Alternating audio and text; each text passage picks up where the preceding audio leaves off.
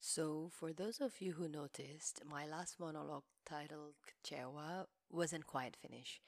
I stopped at the word nah. I was trying to explain that nah ini akan aku bahas di monolog selanjutnya karena bakalan lumayan panjang. But I accidentally put on the wrong voice file, so I apologize for the confusion, especially for people who actually waited until the very last second of my monologue. I am so sorry for wasting your time. So let's just get on to it. So, yeah, as I was saying last week, today's monologue is the final part of yesterday's topic. Um, we were talking about disappointment and how we should ponder on all of our actions that might stray us from the path before even pointing fingers on someone else. But then another question arises What if we were following every single step correctly? We've been trying so hard and pray even harder, but still, things were just falling apart. So, what did I do wrong? Well, you didn't do anything wrong just yet. Jadi ini, kalau kita salah, terus Allah tegur, oke okay lah ya, kita bisa paham dan seperti yang aku bilang kemarin gitu. Malah mungkin bersyukur karena berarti Allah tuh masih sayang banget sama kita. Dan Allah ingin kita untuk bisa lebih lama lagi berdua sama Allah di doa-doa yang kita panjatkan. Tapi kalau kita udah melakukan semuanya yang terbaik dan masih berantakan juga, pasti ada lah ya sedikit rasa nggak terima gitu. Ada yang udah menjalani ta'aruf, udah dihitbah, tinggal nentuin tanggal pernikahan gitu. Udah kuatin doa sama tahajud dan semua sholat sunnah lainnya. Tapi tiba-tiba batal aja gitu karena suatu hal. Ada udah yang kerja sekuat tenaga, uh, kuat juga sedekahnya, selalu ingat untuk bersyukur sama Allah, udah lurusin niat, tapi tetap aja akhirnya ditipu sama orang dan kehilangan semua uang hasil kerja kerasnya selama ini. Ada yang udah sangat amanah dalam menjalankan tanggung jawab, selalu memberi yang terbaik, nggak um, pernah menzolimi karyawan, bahkan menguntungkan perusahaan gitu, tapi tetap aja kena fitnah dan akhirnya dikeluarkan dari kantor atau bahkan mungkin diturunkanlah jabatannya.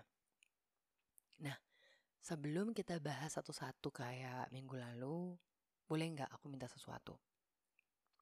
Selama sekitar kurang dari 15 menit ke depan ini, kita samain konsep dulu itu supaya bisa enak dengerinnya.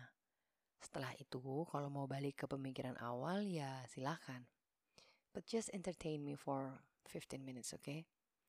Konsepnya adalah Allah itu Ar-Rahman dan Ar-Rahim. Allah itu maha baik dan Allah itu selalu memberikan yang terbaik bagi hambanya yang terus berusaha menuju baik. Oke, okay? jadi disimpan dulu ya sementara pikiran kalau Allah itu nggak adil dan cuma mau bikin hidup kita semakin menderita. Oke, okay, sepakat? Nah lanjut. Aku akan coba cerita singkat tentang beberapa kisah Nabi yang cukup umum lah ya. Semoga aku bisa menyampaikannya dengan benar. Bismillah. Kita semua pasti pernah dengar cerita Nabi Musa yang membelah lautan.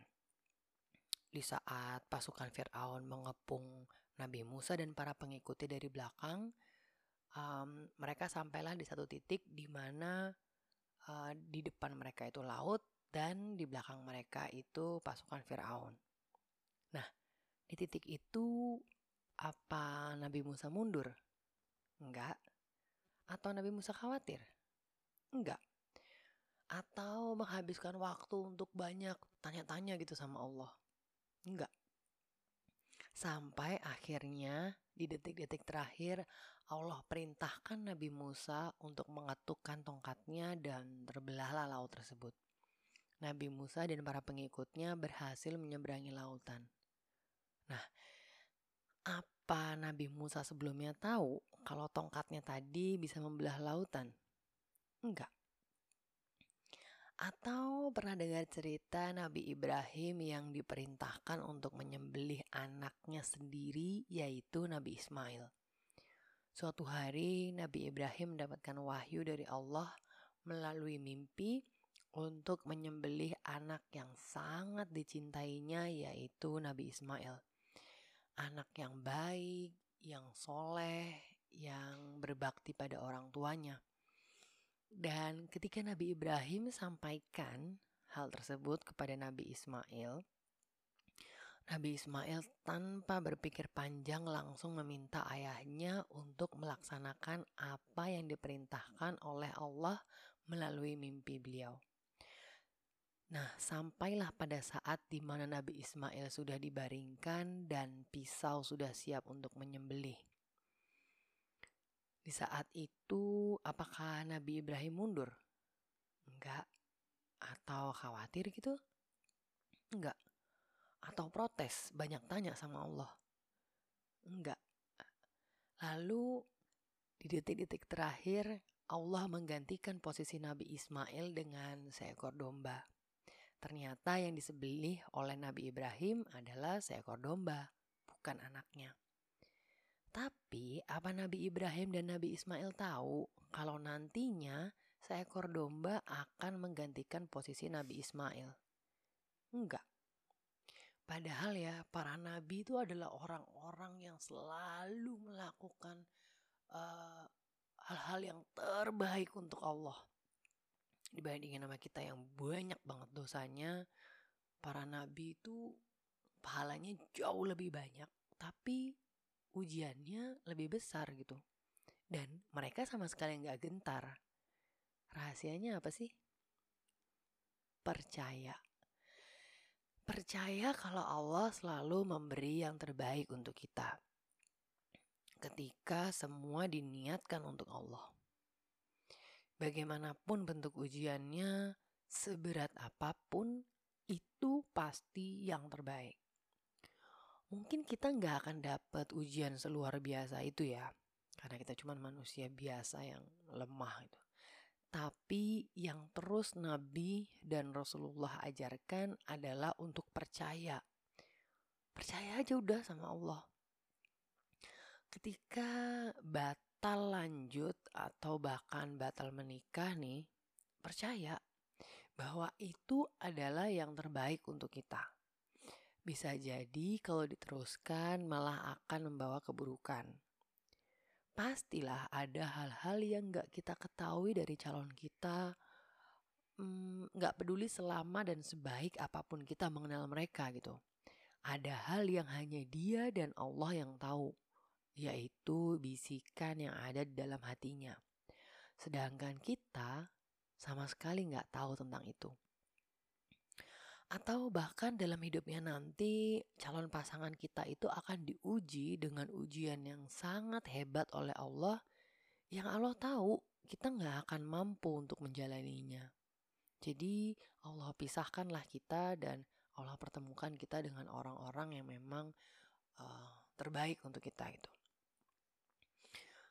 Atau ketika harta kita habis ditipu oleh orang lain, percaya bahwa itu adalah yang terbaik. Bisa jadi kalau kita memiliki harta itu lebih lama lagi, malah akan membawa keburukan untuk kita, oh, untuk keluarga kita gitu. Atau bahkan dengan memiliki harta itu lebih lama lagi nih, nantinya malah kita akan kehilangan yang jauh lebih besar lagi. Atau ketika kita difitnah dan jabatan kita diambil, percaya bahwa itu adalah yang terbaik. Bisa jadi kalau kita memegang jabatan itu lebih lama lagi, malah akan membawa keburukan buat kita. Bisa aja kita malah jadi Eh, berubah menjadi seorang pemimpin yang zolim atau bahkan mungkin keluarga kita jadi berantakan karena ujian dari jabatan itu nantinya akan lebih hebat lagi. Well, what I'm trying to say is Percayalah bahwa Allah hanya mau yang terbaik untuk kita, asalkan kita terus berdoa dan melakukan semuanya lillahi ta'ala. Sebagai manusia yang lemah, pasti kadang sulit banget ya, banget untuk bisa percaya bahwa ketetapan Allah adalah yang terbaik untuk kita. Apalagi kalau kita nggak bisa lihat jawabannya atau hasilnya saat itu juga. Apalagi kalau Allah nyuruh kita untuk percaya dan nunggu gitu. Itu akan lebih berat lagi.